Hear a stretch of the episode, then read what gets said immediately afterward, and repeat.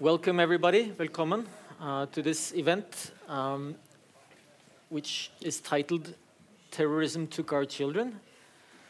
And we'll be uh, talking about um, uh, how to deal with trauma, I guess. So, my name is Åge Borchgrevink. I'm a writer and uh, uh, a critic, and I have the honor to um, chair this, to moderate this uh, really great panel consisting of uh, Britt Bildøen, a Norwegian writer whom I think most of you know. Um, most known as a novelist, I guess, but, but you've written a number of children's books, and you your debut was poetry, I guess. Mm -hmm. And you said you are now working on nonfiction too, and before that you also wrote some essays. So you uh, you have many. Um, uh, uh, you, you play in many genres, and also yes. you are a board member of uh, Norwegian PEN, the Freedom mm. of Expression organization. And uh, I, I, said you were probably the busiest man in Bergen today. I think this uh, you have two or three more events today and a couple yesterday also. It's a big honor. Busy, yeah. it's a big honor to, to have you here. So uh, this is Helon Habila. He is uh, um, Professor Americana, according to your your book. Um, you are a, a, professor of creative writing in in Virginia, mm -hmm. and uh, uh, but most known as a novelist, a prize-winning novelist. Um, on my way here with the train, I was reading your book Oil on Water, mm. which I thought was extremely interesting for a Norwegian because uh, it deals with the Niger Delta and oil developments and uh, um, journalism in that area and one of the big companies that, uh, uh, well, still is involved uh, in oil developments offshore down there, it's Statoil, our, or now Equinor, our oh. oil major. Okay. Working with British Petroleum first, and then oh. on alone with Chevron and, and others. So. Mm. Uh, yeah, so that was really interesting to me to, to, to see a more local uh, perspective on that. But the reason uh, you are here is that you also written uh, or actually it's kind of your debut as a non-fiction writer with the reportage from uh, Chibok, which is uh, and and about of course this uh, um, this uh, major incident that I think all of us, all of you uh, know about the, the, the fact that four years ago or a little more. Almost 300 girls were kidnapped from a government school in a town called Chibok in North Nigeria by the group uh, Boko Haram. Yeah. Um, right. So, um, but uh, before we, we start and, and give you an idea about what we are talking about, because uh, when, when Britt is here, with Helon, it's also because she has addressed the, the issue of terrorism, and uh, uh, especially in your book Seven Days in August, Sju dager i august mm. på norsk but it's uh, you, you, recently also published it in, in, in English. And uh, uh, that also deals with the uh, trauma of terrorism, um, in a sense. I will ask you to tell a bit more about it later, but, but first, just to, to, to give us a sense about uh, how you deal with the topic in, in your novel, Seven Days in August. Maybe you, you could start with reading a little bit from it. Yes, I can, and I will even do it in English. um, my protagonists, uh, Sophie and Otto, is at their summer cabin. There has been a heavy rainstorm, and they are trying to fix it and clean up after the storm. By the time she was finally ready to clean up the water, Otto had begun with the door First, he nailed the frame firmly into the doorway. He looked at Sophie as he did it, as if to say, There, no, there won't be any airing out for a while. And then he started nailing on slabs and boards. It turned half dark inside, as gloomy as in the forest. As in a trance, Sophie dragged the mop through the mud and water, twist and drag, twist and drag. The bucket became full, and she was about to stand to go outside and empty it. As she lifted her gaze, she was looking straight at two legs. She knew at once they were his legs. The dirty field boots, the checkered reflective tape he had stuck around his pant legs, and the rifle, a Ruger Mini 14. The name of the weapon was one of the things that had been burnt into her memory. Ruger Mini 14. It was a strange sound in her ears, a kind of low, rumbling hum.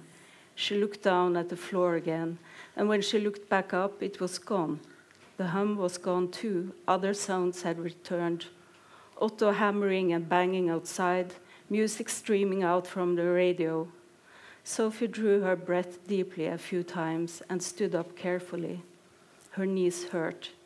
She realized that she'd had a kind of hallucination and was more astonished than afraid. So many years that she'd been waiting for her daughter to appear to her in a dream, in a vision, or simply as the presence that many speak of. Sophie had never felt such a presence. There was only silence from Marie. Her girl was only completely and terribly gone, and now he came. Sophie grabbed hold of the bucket and walked slowly out, carefully, as though something might break, as though she were an old woman. Thank you, Britt. Um, I think maybe you could Me to read? uh, write, uh, read also. Okay. I'm going to read from the first chapter. Um, the book is basically about my trip to Chibok in northeastern Nigeria to go and meet these um, families whose children were taken by Boko Haram. Um, and we passed through many checkpoints where military people are stationed. And this is the last checkpoint before we enter into Chibok, and we're stopped by some soldiers. Ahead of us was the last checkpoint before Chibok. This was the most important checkpoint of all. The soldiers here would determine whether I got to enter Chibok or not. Vehicles coming in or going out were given a special pass, which they must present to the soldiers. Traders bringing supplies from neighboring towns must have an inventory listing every single item they carried. Since the kidnapping of over 276 schoolgirls in April and the subsequent media focus on the families of the kidnapped girls, the government had placed the town on lockdown. Journalists, in particular, were persona non grata. I was told of a British reporter who came as a guest of the wife of a local pastor and was turned back at this checkpoint. The Chibok native, Reverend Titus Pona, chairman of the Christian Association of Nigeria, Borno State chapter, had promised that a local pastor would wait for me at the checkpoint and take me in as his guest. When I got the pastor on the phone, he made excuses and said he couldn't meet me. Now my fate rested on the mood of the soldiers. And so, once more, we got out of the car and approached the soldiers who were seated under a giant tamarind tree by the roadside. With them were three civilian JTF members with their Dane guns and knives tied on ropes around their waists. Michael identified himself and handed over his ID card. Next, Abbas handed over his driver's license and mentioned the name of his friend who we were ostensibly visiting. The soldier gave a non committal nod and turned to me. I handed over my state of Virginia driver's license. America, he said. I'm Nigerian, I said, but I live in America. Mr. Americana, he said. Actually, it's more like Nigeriana, I said.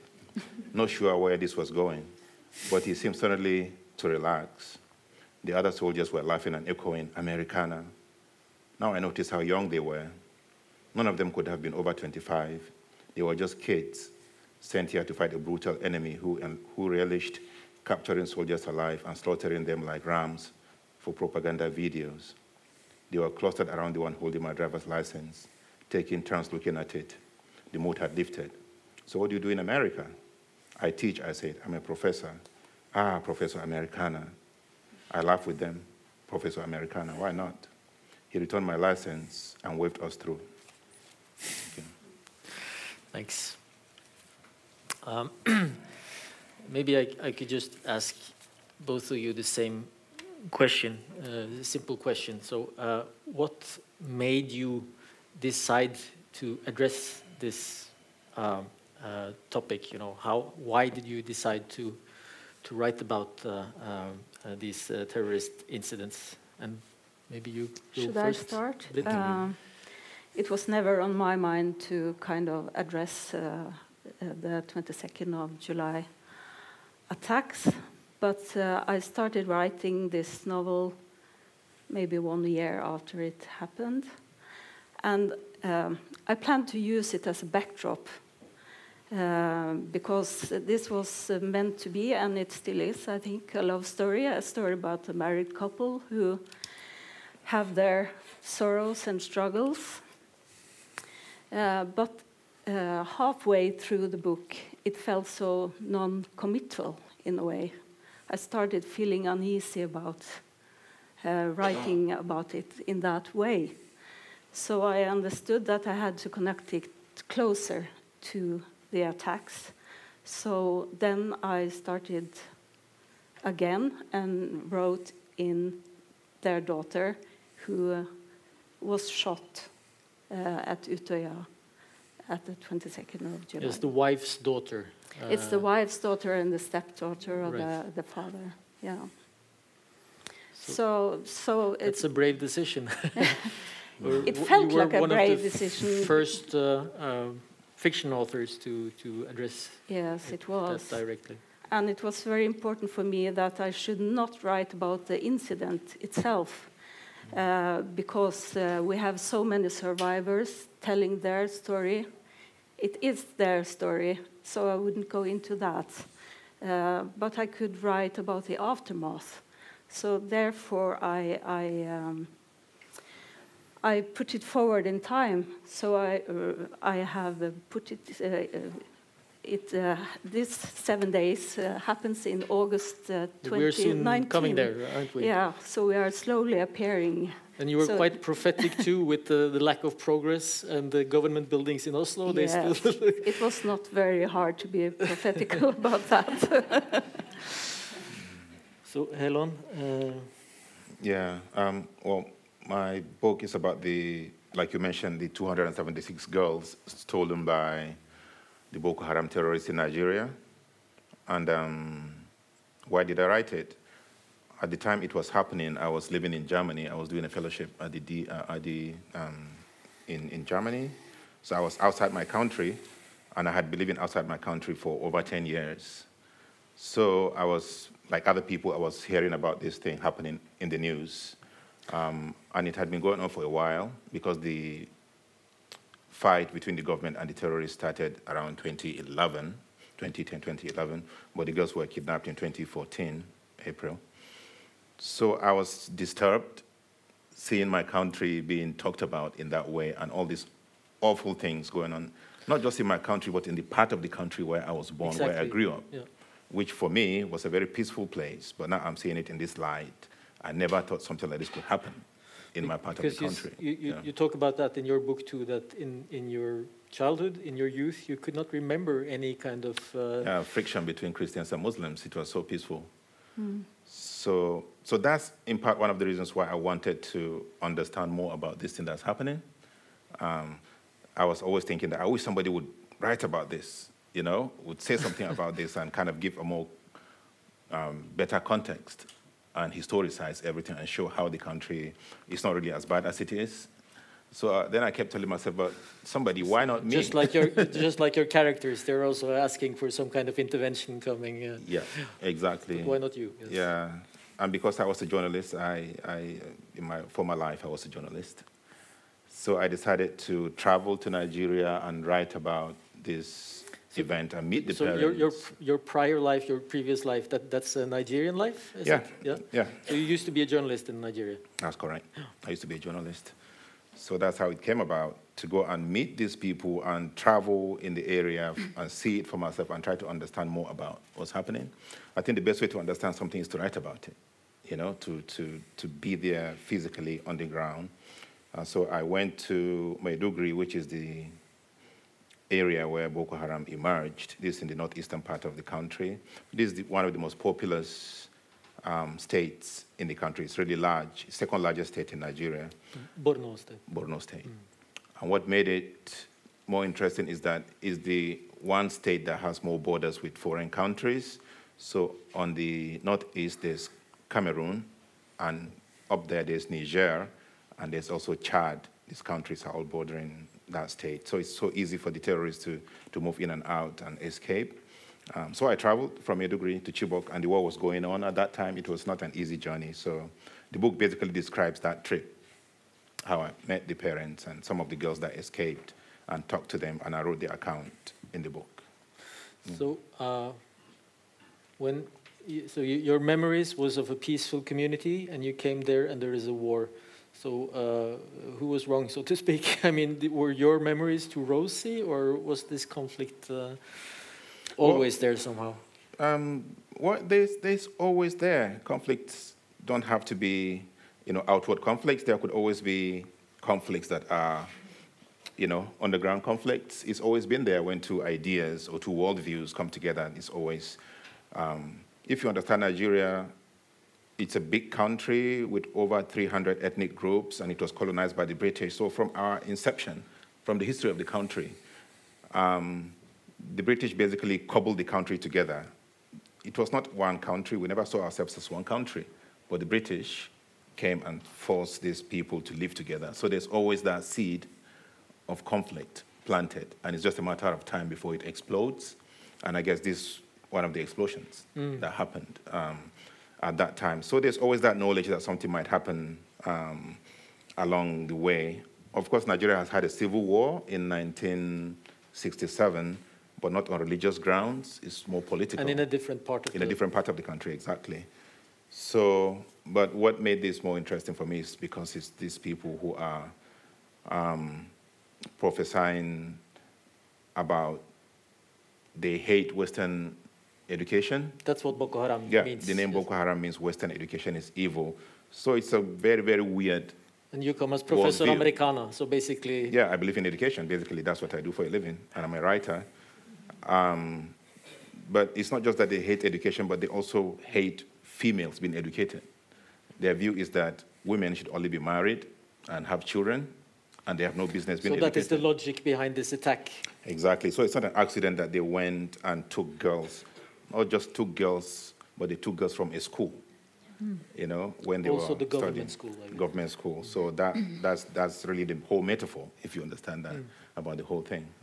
Yeah.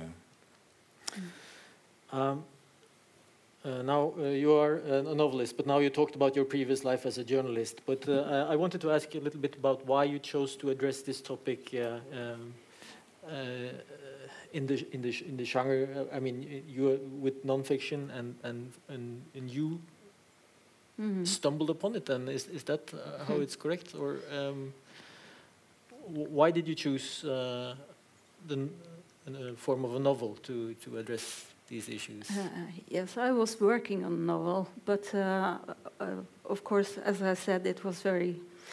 Uh, it was not uh, very long after the attacks, and um, and I was thinking a lot about it.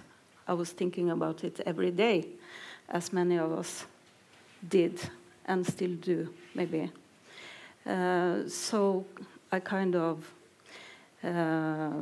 yeah, I just continued my work, but uh, went closer in, into the so subject. it became dealing with trauma in a sense. Yes, it did. So, but I also think that uh, fiction is a very good uh, place to address difficult things and difficult thoughts because we can talk about these difficult things in terms of uh, Sophie and Otto, this couple. We can discuss them and their reactions, and it's easier to kind of place the, these thoughts into other people, fictional people, I think. So I've been a lot around and talking about this book uh, with psychologists and philosophers and also dependents, people who experience to lose mm -hmm. someone. So, uh, and I think it works very good to to to talk about it in, in, in fiction. So, uh, uh, uh, when reading your, your book, uh, I had the impression that, uh, well, it, uh, the book basically ends at the turning point. There is an Mhm. important conversation that's kind of coming up, but you quit before it comes up. But um, uh, what, what I found interesting was that it addresses sorrow, obviously. Mhm. Uh, this uh, woman, uh, the, the mother, she will only dress in black Mhm. only black dresses. So uh, without making any show of it in, in other ways, she still yeah. So she carries uh, the sorrow with her. But uh, um, um, what what what I was wondering is that uh, sorrow in this book uh, became a very personal and isolating experience in a sense. Is that it? Mm. I think it's much about the the clash between the personal grief and and the way we as society handles the problem. So I think uh, Sophie experiences uh, eight years after the attacks that uh, the whole world has kind of gone forward, and she still experiences, she still lives through these uh, difficult moments uh, of her life again and again. Uh, so I think uh, it's a, it's a lot about uh, how uh, how expectations around sorrow Mm. works because uh, uh, Sophie experiences that her colleagues uh, really thinks that she should take off her black dresses and kind of finish uh, her mourning period and uh, and one of her colleagues addresses her uh, and says your colleagues are afraid of you because you have an aura of glorified sorrow around you. So it's about also about expectations and how we handle um, people's sorrow and uh, and respect for the individual way of of handling it. So uh, she also feels a certain amount of anger, doesn't she? And and she has um, and she has some kind of uh, resentment against the um, uh, official pronouncements. Sure. And her view is, I guess, more that she is not the self-glorifying. The nation, I mean, the state of Norway is the Mm. self-glorifying yeah. uh, entity in this. And she says something that uh, uh, rosene visnet og ble til selvros. Mm. I don't know the English way of saying that, but the, the roses withered and became self-congratulations. yeah. Yes, because the whole world um, admired the way we dealt with this uh, terrible attacks. We went with marching with roses, and our then prime minister said, "We will answer this with more democracy, more openness, more humanity." And sure, these words have faded through the years that have passed. I, I, I, wanted to ask you both uh, one, one thing that I thought was um, um, present in both of your books, albeit quite different approaches to, to different situations. I mean, they, they share certain basic, the, the basic notion that, that uh, uh, the, the lost children. Uh, you, you mentioned this, the Pied Piper of uh, Hamelin, for instance. Altså, uh, rottefangeren i Hamelin, han som kommer og lokker med seg alle barna. Og denne byen Chibok er litt som Hamelin etter at han er dratt. Um, yes, so uh, uh, and uh, uh, and what what I picked up on that both of you addressed somehow is is what an incident like this, what a trauma like this does to uh, trust uh, for uh, uh, uh, for these uh, people who are affected. Hmm. And and some of the people you interview, they talk about this in a sense. Yeah, um, I guess by trust you mean um, how people kind of um, the perception of the way the government is handling the, the whole situation. I guess Maybe between themselves and uh, okay between the people in the country itself. So there are different layers of Yes. trust that I would like to address, and um, one of them, of course, like you said, is how the people in the community begin to see each other. Um, there's tension, definitely. Um, there's fear. Um, there's, you know, all these things that, that, that resulted from this is a war situation. Basically, there's active war going on. People are being killed, and so definitely trust is trust is gone. The whole basis of the country, a country is built based on shared experience and trust and other things. You know, and so the moment one part of a country begins to fight against another part of it, or one idea is in conflict with the other idea, the whole idea of trust, I think, begins to disappear. Um, there is that. But for me, what's more important when I talk about trust is the way the people begin to distrust the government um, and see themselves as citizens and their role as people, um, civil society in this country. My biggest anger, and one of the reasons why I went to write the book, is because I thought the government was not doing enough to address what has you know, happened to these people. Um, the president didn't go to visit the Chibok. Yeah, he said he would, but Um, then He wouldn't. In fact, he went to Paris because it happened around the same time with Charlie Hebdo in Paris. But he actually went to visit Paris Hebdo, but- and didn't go to Chibok. Um, so it was just a big scandal. So that was one of the reasons that I felt so angry, you know?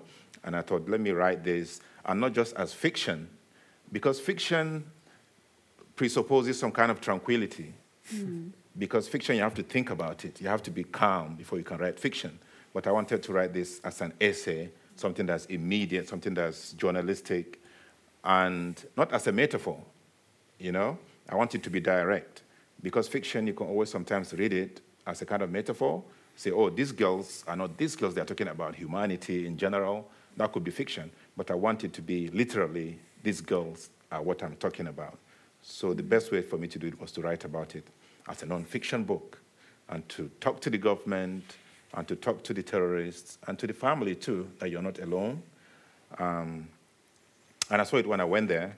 They were so happy to talk to me, the mothers. They wanted to tell their stories about their girls, about their heartbreak. Um, so it, it's, it's good to listen to them. That's the way to offer consolation and, in a way, to kind of rebuild that trust that was destroyed because you are telling them that you see them and you hear their stories. And it's not just only you, but there are other people in the country too who are, who are listening to their stories. Yeah. But uh, w- uh, when you write this book, uh, you somehow um, I was th- I was thinking about who who's the pre- uh, the supposed audience. The audience Is that is- Nigerians or? I, to be honest, that's not something I think about when I write. Uh-huh. I really don't. If I find a subject matter that's important to me and I want to write about it, I just all I con- I'm concerned about is how do I approach this? You know, how do I make the best of it? How do I bring out the characters and my message and my theme? Um, my first duty as a writer is to write as clearly as possible. Then is the audience, you know, can access it any way they want, and anyone can be the audience. Um, but I was always, like I said earlier, I was disturbed by the way the CNN was covering the news. I thought it was very superficial, and they didn't really give us a better idea of the history of this country and how this thing might have happened. Um, so I guess I was talking back to CNN and other people covering it. Um, as a Nigerian, I felt that I know more about this subject matter than these people. So, um, so I was talking back to, to them and to whoever might be interested because what's so surprising is the amount of ignorance of the subject matter. You know, everybody knows about Charlie Hebdo because it's happening in the West, um, but it's in Africa. It's just oh, it's just some Africans killing themselves. But but So it's a duty for me to write about it Yeah. and kind of make it clearer. And it's good that it's published in England by Penguin and in America by Columbia Yeah. University. So at least I'm writing in the heart of the West for people who, whoever is interested to learn about it, can pick up the book. Uh, uh, to me, it was really uh, interesting because this this event, the, the Chibok uh, kidnappings, I think it's also like a, a celebrity type event. I mean, it was huge all over. So uh, even it's on level with Charlie Hebdo in that that sense that people know about the fact that these girls were kidnapped and they remember you know, Michelle Obama with uh, Bring Our Girls. And Madonna. Yeah, and Madonna. Um, Everybody, you know? yes. But they don't So know about the girls themselves. They know about Madonna. Yes, and- this, this is what's so yeah. interesting reading your book, actually, because Yeah. you also, when you were reading, you were telling about how difficult it was get to get into the core, which is also something about getting into the core of the story. It's not so Mhm. easy either. Yeah. And, and Because that's it's, it's really a propaganda war. It's a propaganda Yes, war. It's yes. not just a fighting war. There's a there's a contending propaganda from because terrorists don't just fight people. They also try to to narrate the story and bend it in their own way. Mm. And the government is also fighting them with their own propaganda. So it's also a propaganda war. So you have to go into the heart of the truth. Mm. It's not easy to do that. And Yeah. both of you, when you do this uh, in in your different ways, and uh, uh, you chose you choose to um, focus on on the victims, basically on the ones left behind and on the aftermath. Both of you uh, uh, avoid giving, perhaps. I mean, you do ex- explain some of the background to Boko Haram, but there is no Mhm. interviews with a Boko uh, fighter or uh, or senior Yeah. leader or Yeah, I didn't really. Well, first of all, it's very hard to get to, the, to, to, to get them to say, "Oh, I'm a Boko. Haram person. I want to talk to you." Professor Americana. I want yeah, to talk to you. Really, I, I, killed, I killed two people. I want to talk to you about it. it's not easy to do that. Um, so I had to indirectly get my information from. But they are not shy. They have all these videos about them killing people, you know, on their propaganda video. But you have to. And the interesting thing is that they are, they are not some strangers who came from another country. They are actually Nigerians. They were born there, they grew up there. So you find people who, who, who, who know them, you know, who grew up with them. Um, so it's, it's easy to follow that people So and get your actually, it would be people like the, the children of your neighbors from your yeah, childhood? Or? They're ordinary Nigerians Yeah. who felt disaffected, who felt unhappy with the way the government is, the way democracy is going on. They felt that they don't belong. So for them, it's easy to identify with Boko Haram and their promise of paradise, and sometimes they give them money, you know, and, and all sorts of things. So there's kind of anger um, that led them to, to, to, to become ideological and follow Boko Haram, you know. So there's, there are all these layers and layers. And as a journalist, my, my duty is like a detective to go and investigate and find out the heart of the, of the story. What Yeah. I think is uh, is very good about this book is that you don't you don't please people's curiosity about Mm. what happened to these girls in the camps. Yes. Uh, you concentrate more uh, about what situation uh, created this uh, uh, this event, and you concentrate about what kind of life are they going to get when they escape from from this, because Exactly.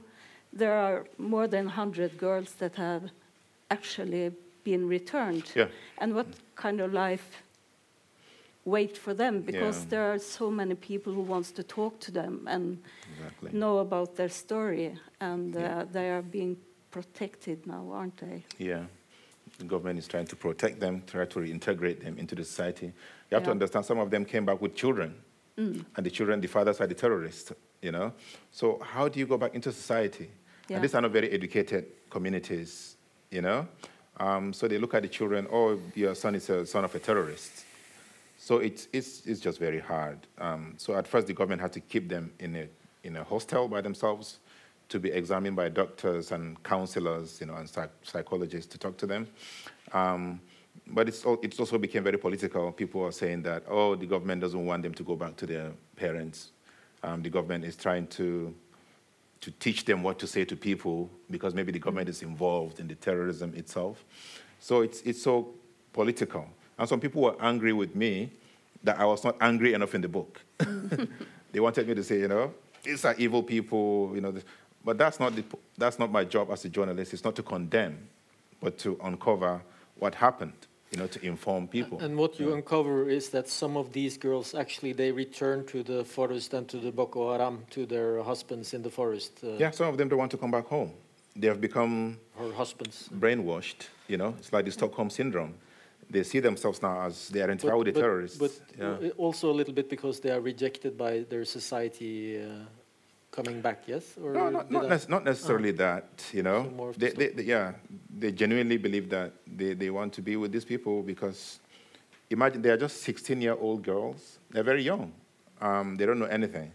And here they are with these terrorists in the forest for two years, three years. And these terrorists are very skilled people. They believe in this ideology. They are fanatics. And they can brainwash people very easily. So some of them actually begin, begin to identify with these terrorists. And they say they, they see them as their husbands. They want to go back to them. So it's, it's very complicated. Mm. Yeah. Um,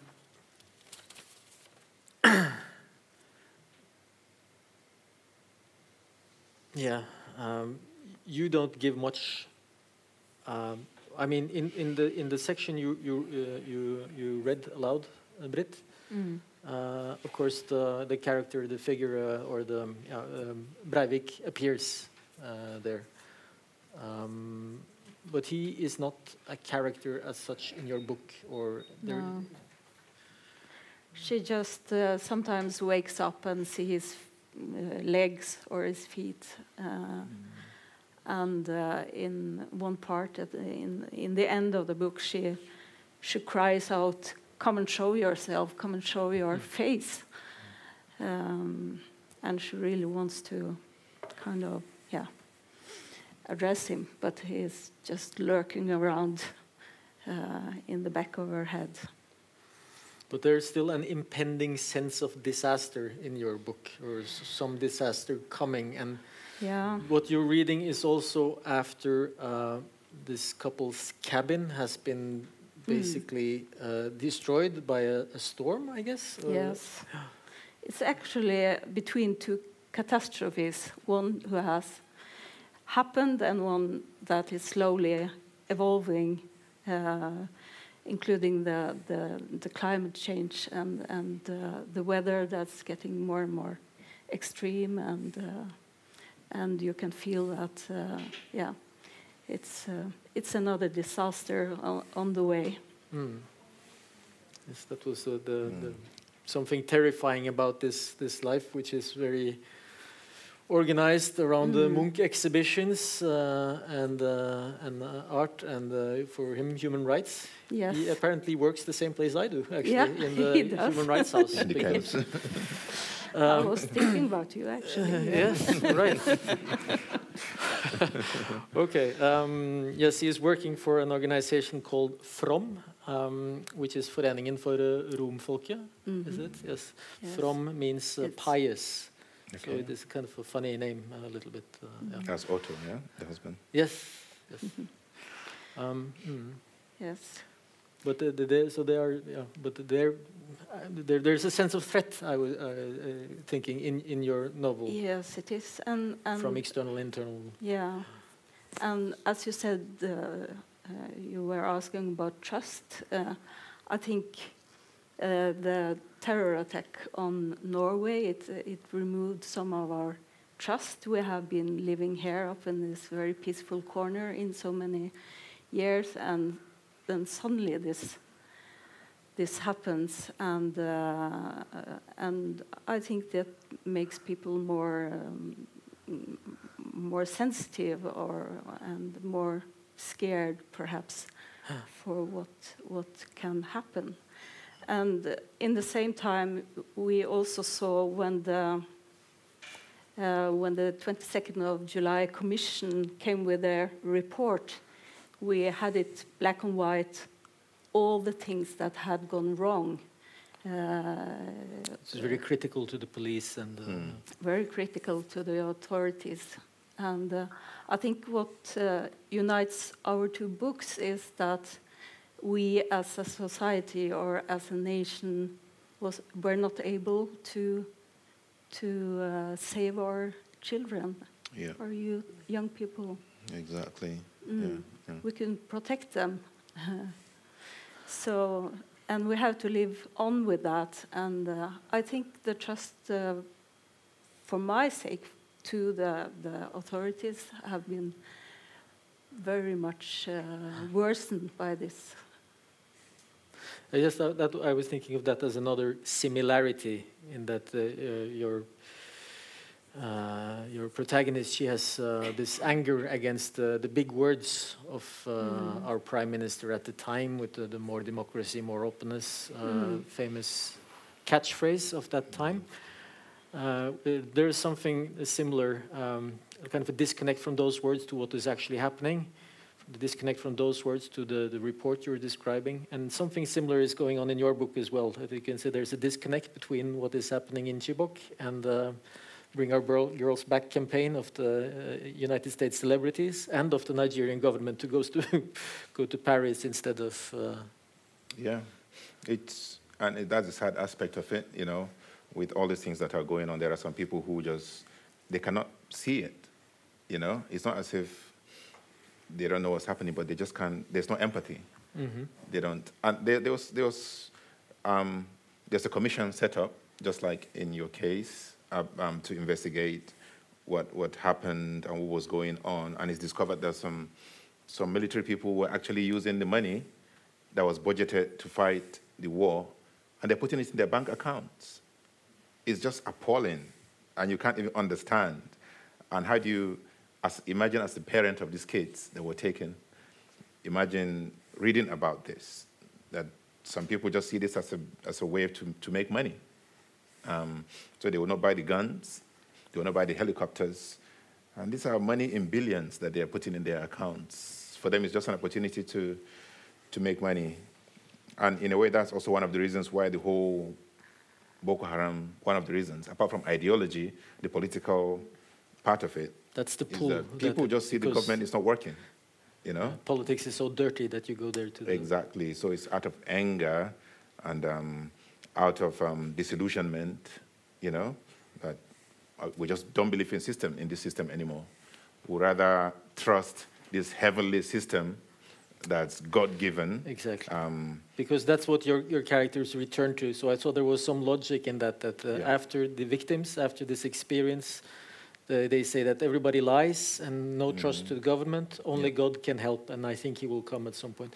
And you can understand that, but that also feeds the kind of uh, uh, Boko Haram, Boko Haram narrative, yeah. ideology or narrative uh, Yeah. itself, in a sense. So it's a Exactly. vicious type of It's a circle. vicious cycle. Yeah. Um, just to go off topic a little bit, because uh, uh, as I said, I was interested in your oil on water, Okay. um, and I haven't finished it. Uh, and I'm not going to ask you to tell what happens at the end, but but uh, it deals also with the international companies in Nigeria, Hmm. doesn't it? And and um, I was thinking about uh, an interview with a, uh, a leader of uh, Equinor, Statoil, some years ago, and he said that now, okay, so you said you paid hundreds of millions of dollars in uh, signature bonuses to Nigeria. What do you think happened with the, the money? And you he mean the said, cleanup money? that no, was no, given? this was not cleanup money. This was just for licenses uh, offshore. Yeah. They were not involved in the uh, spills themselves. Statoil Okay. were not. Hmm. So they, that, that was Shell and, and some other companies. But anyway, what he said was that, uh, uh, well, the, the money we pay to the Nigerian state, they go straight to the budget. Do you Yeah. believe that? No. no, not really. Do you think he believed that? Sorry, I'm gonna, gonna Yeah, again, again it's, it's, it's, it's the same thing that just like the Chibok and the Boko Haram thing, is also um, one of the reasons why you find the, the militants or the rebels who are fighting the government because they say that you're taking this oil from our communities and we don't see the money from the, from the, the, the, the, the payment that these companies make to you. Um, we're still poor, we don't have good schools, and our environment is being destroyed. This is one of the best, beautiful um, environmentally beautiful part of the country, the Niger Delta. the Niger Delta. There's these rivers. Is they actually used to refer to it as the lungs of West Africa. Mm-hmm. That's how much beauty there is with animals and all that. Then in one generation, the first oil well in Nigeria was dug in 1968. So just in one generation, all these rivers have been destroyed. There are no fishes in the sea literally in front of our eyes, this thing has been destroyed. So you can see the, and the government is not doing anything about it. The oil companies are not doing anything about it because they expect the government to do something about it. And mm. it's the duty of the government to protect these people because it's their people. And so the only way the people can do anything is to rise up and fight the government and kidnap oil workers so that they can draw attention to what's happening because they want to see the money. And at the end, what the government decided to do was to pay these people not to fight. You know? So, it's a culture of bribery. yeah, It's bribery. Essentially, it's bribery. I'll pay you not to fight for your right. You know? It's not sustainable. At, at- so as long as the oil comes up, you can continue in a sense then? Exactly. That's it. As long as the politicians are happy, they get their money, they protect the oil company workers, and then just keep digging the oil. Yeah. Yeah. No, it's uh, it's interesting because uh, oil in Norway was first discovered in 1969, so we were a year Around the same time. Yeah. a year behind you, but uh, it doesn't look like the Niger Delta here. So, Yeah.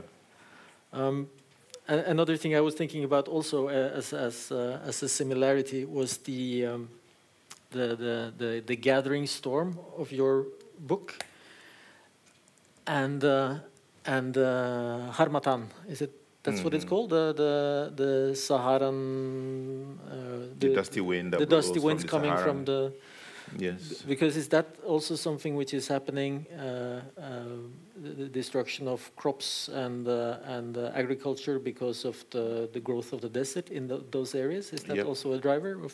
Yeah, it's one of the drivers. Um, and I love the way you use the, the weather you know, to, to, as, a, as a metaphor for your for the impending storm that's inside. Um, I guess Sophie, um, Sophie, she she tries to be calm and, and collected, but you show the you know the storm that's outside the- house that's destroyed, the cabin, um, beautifully done. Um, yeah, what to go back to your question, the there's, there's a big lake between Nigeria and Chad, a neighboring country. It's called Lake Chad. It's really huge. used to be the source for fishing, for transportation, for commerce. That's where most of these people get their livelihood. And between 1960 and now, the lake has shrunken. About 80% of the lake has disappeared. Hmm. So it's just become like a small, you know, small pond. Hmm. So most of these people, there were towns around this lake that depended on it for, for their livelihood. So the encroaching desert, it's impacting this. And these people have to move into the city. Mm. And they're just young people, no education, nothing, mm. you know? So some of them became recruited by, by Boko Haram. Mm. You know, he gives them food, he gives them place to stay, and he takes care of them because the government is not taking care of them. So that's one of the drivers. Environment is a strong driver, you know, in that because it destroys their livelihood, and there's no way they can they can make a living. Yeah. Yeah, maybe just uh, we're getting towards the end here, um, and if there are any questions, you know, feel feel free to ask them. We could take a couple. Um, but uh, uh, while you think about that, um, uh, I, I wanted to ask you. So you said you you you had uh, uh, been around quite a lot with your novel, talking to various groups of people somehow involved with the 22nd of July attacks. Or not. Or uh, not, but both, everybody in yeah. Norway somehow relates to that, of course. sure. Yes. But uh, can you tell me a little bit about what, what, what are the reactions of people? Uh, yes, I, I was uh, kind of worried when I, I published this book because I was afraid that some people would might think that I uh, kind of wrote about something I had nothing to do with, or I was going into a landscape where they, yeah, that was not my own. But uh, uh, the reactions were very good actually because some of the people who lost their loved ones at Utøya told me that there was uh, kind of uh, they thought that um, it was very good that we did not stop talking about this. Yeah. Uh, they felt that people had kind of forgotten or, or stopped thinking about the dead ones and what happened, and uh, they thought that to keep the conversation and the thoughts uh, uh, alive around this incident, uh, it, that was a good thing. And I, I also have been thinking a lot about uh, something that um, the critic and writer Daniel Mendelsohn said. about uh, trying to avoid uh, false closures. And that I think is also uh, actual for your book because uh, for many of us uh, there has so a been false closure would be uh, that would be that we think we are done with it. Yeah. But uh, we are not. There are still people around that uh, lives with this grief every day, and as a nation, we are not finished either.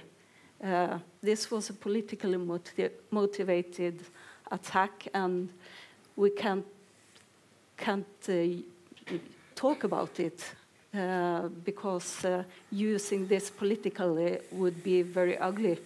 But it's still very strange that we can't talk playing about this. it. in- 22nd July card, as they Yeah. say in Yeah. politics. Yes. and uh, so we are not finished with it, and we still quarrel about the memorial. It has been very pa- painful discussion about the memorial. With, with, so, uh, if we think it's a closure, it's a false closure. Mm. We still have to keep these wounds open and discuss what happened and uh, how to deal with it. Yes, I think Mendelsohn mentioned this within the context of uh, Holocaust, uh, Yes. basically, because uh, his relatives obviously were killed, and he, he wrote about that. Mm. But uh, I guess his point was something that each new generation had to somehow retell the story because Yeah, it was sure. different from all perspectives. Or, And now they have stopped talking about it in the schools. So that is, uh, yeah. Yeah, Uh, I guess, but uh, um, on, on another note, I, I guess you can see that the leader of the uh, um, y- uh, uh, youth organization of the Labour Party, she is a survivor from Utøya, so Mm. somehow it, it, it lives on uh, in, in that way. Mm. So uh, that, that, that was also um, a big difference, I think, that, you know, the survivors from Utøya, uh, some of them are now uh, entering politics, they are getting upward in their 20s, 30s, and they will become political leaders themselves at some Mhm. point. Whereas uh, your girls and your community, or your, I mean, the, the Chibok community and the Chibok girls, uh, wh- what, what will be their future, you think? Um, well, that's one of the things that I talked to them about when I interviewed them. I, I, went, I, I met three of the girls who escaped, and I talked to them. And um, the, some of the girls who escaped were so traumatized that they don't even come out of the house. Some of them refuse to go back to school because they feel that they, they, they could still get kidnapped. Um, but these three girls, they have returned to school. And I was so impressed by their determination um, that they want to prove these terrorists wrong and they want to go back to school. I asked them, well, what do you want to do? One says she wants to become a doctor, one wants to become a lawyer. And um, so there, there, is, there is that um, optimism in them that I found really, really touching and really encouraging that they are thinking that way. And, and the whole country has to support them, has to make their dreams come true. And that's the only way to answer back to, to the terrorists that you, you are not able to achieve your aim. Because if they refuse to go back to school, then they have achieved their aim, you know? Um, and I know how painful, how hard it is for these girls. Because even me, who went there just to interview, I still have dreams and nightmares about my time there. So imagine them, you know, being the ones. So it's, it's a huge um, effort for them to return back to school. So that in itself is a kind of victory that they're able to do that, to get the courage to go back to so school. So they are defeating Boko Haram that way, in a sense. then, Yeah, right? it's, it's a very small way. It's not going to be a dramatic um, Like, uh, with guns or anything. But little, little acts every day, you do it. It's, it's a victory. Every blow you strike is a blow for freedom. Mm. Yeah. And is there support in, in, in, in Nigeria for them and for this project? I mean, uh, Yeah. in, a, in a bigger sense. Yeah. And what were the reactions to your book? I mean, did it in, start a d- Um, debate? Or some people like contribute it. Some people don't like it. You know, it's a very political, some people, very political country. Like I told you, some people don't think I've gone far enough to condemn them. Some people feel that there are some people in Nigeria who will tell you that it didn't even happen, that it's a lie. Yeah. You know, Fake Like, news. Just the government who's, you know, it's fake news, basically. So my duty is to write the book. It's not to convince people that it happened or it didn't happen. It's to do what I can do, and that's to write. I'm not a propagandist. I'm just a writer. yeah. Are there any questions? If not, yes, there is one. We have time for Exactly one question, I think. Okay. Oh. Thank you very much for an insightful discussion. It's been really good to listen to you, and I think it's um, very important books that you have written to at least bring the stories out there and give a different insight. Uh, my question is to you, Helon. Uh, I think um, you've already talked about the girls reintegrating into the society and being met with different kind of reactions. And my question is about the young boys that might be potential candidates for the terrorists out there. Is there anything being done in the society to, or by the government for that matter, to kind of give them a sense of belonging there so that they don't feel they belong to the terrorists and again be yeah, a threat to the society? Yeah.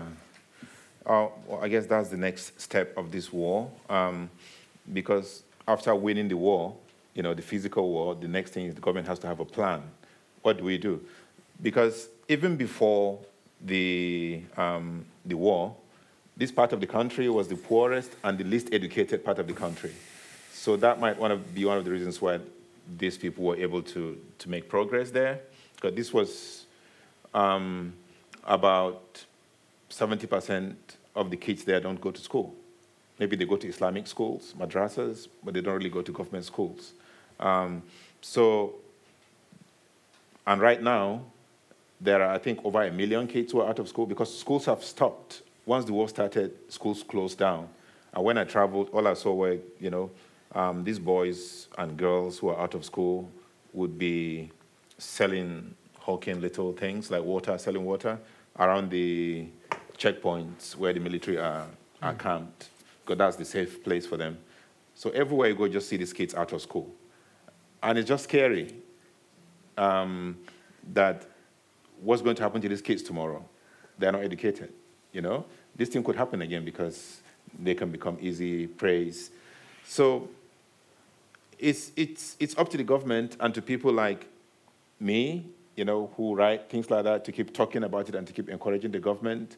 Um, but what's happening now is that a lot of international organizations are working with Nigerian government um, you find UNESCO, you find um, International Migration Organization. They're pouring in resources and trying to rebuild schools and to partner with the Nigerian government to, to, to do something about it. So that, in a way, has drawn the attention of the whole world. Um, so something I think is being done in that, in that way. But it's not going to be easy. It's going to take a long time. Yeah. You have some really bleak descriptions of refugee camps refugee camps of basically orphans coming from some of these areas, uh, parents killed in war or, yeah. or lost some other way. Mm-hmm. And you say, well, the boys will be beggars and the girls will be prostitutes. Yeah. it's, it's, it's, um, that's the way it is. Mm. You know, it's, it's sad, but that's it. You saw little children in the camps whose fathers and mothers have died. They're just 10 year olds or five year olds who are just running around by themselves. They have no family. So what do you think they're going to be? Um, it's, it's war. That's, that's reality. Mm. Yeah. Just uh, uh, um, on that happy note. On that happy note. Well, I, I, I, I uh, just um, how is Boko Haram faring these days? Does it still is it still able to recruit? And I mean, you, you talked about its ability to recruit based on the, the, the you know the dirty politics and the hopeless society surrounding them, but are they also backed by powerful people somehow, or money, or other? Yeah, there are. Well, there's a lot of investigation still going on, mm. but they couldn't have become what they became without the knowledge of some politicians mm. and the support of some politicians. Mm. There are always bad politicians who try to ally themselves with evil people to further their own cause, hmm. and that's the case with, with Boko Haram. But how they recruited mostly was through conscription. So they go through towns and they kill the men and enslave the women, and then they recruit the young boys because it's easier to convince a child to kill. Because once a small boy is convinced, he becomes more, more dangerous than an adult because they believe in that thing and they can kill you for that once you convince them that what they're doing is right. So they caref- they carefully conscript these kids, and these are their, their army, and not just for now, because it's the army for the future. you know, because this is a, they are going to grow believing in this thing, and they will also recruit other kids. Yeah. Um, but basically, the government has pushed Boko Haram. Most of their fighting force has been depleted. Um, but what they do now is just to carry out um, suicide bombings. They get these girls and they put bombs on them and they mm. enter into markets or public transportation and they explode the bombs and things like that. So they have these little guerrilla attacks that they do, but they're still there, mm. even though they are not as strong. They don't have land, territory. Um, most of it has been taken back by the government. Yeah. The notes notes keep getting happier. um, but uh, thank you all. Thanks to Britt and to Helon, and uh, it was really interesting discussion. Thank you.